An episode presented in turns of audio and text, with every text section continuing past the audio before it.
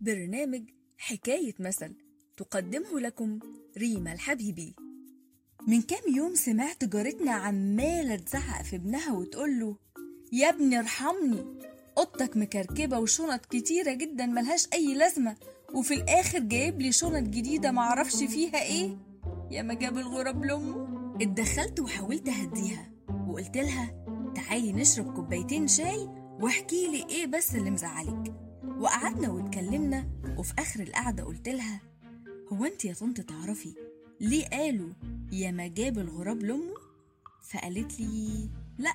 فقلت لها طيب تعالي اقولك الحكاية. زمان كان في مجموعة من العلماء مهتمين جدا بحياة الغراب بيعيش إزاي وبياكل إيه يومه كله بيعمل فيه إيه لحد ما في يوم تتبعوا الغربان ولقوهم بيطيروا وينزلوا على الأرض على أي حاجة بتلمع. مثلا حتة مراية بتلمع مفتاح قديم أي معدن بيلمع ينبهروا بيه.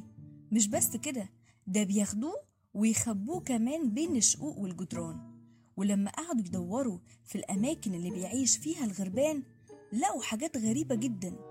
بقايا مراية بقايا فنجان مكسور صيني مفاتيح ومعادن وحاجات كتيرة عبارة عن بقايا حاجات كبيرة ملهاش أي قيمة. وبعدها كتبوا أبحاث كتيرة جدا عن الموضوع ده. والموضوع انتشر من عامة الناس لدرجة إنه بقوا بيتريقوا على الغربان.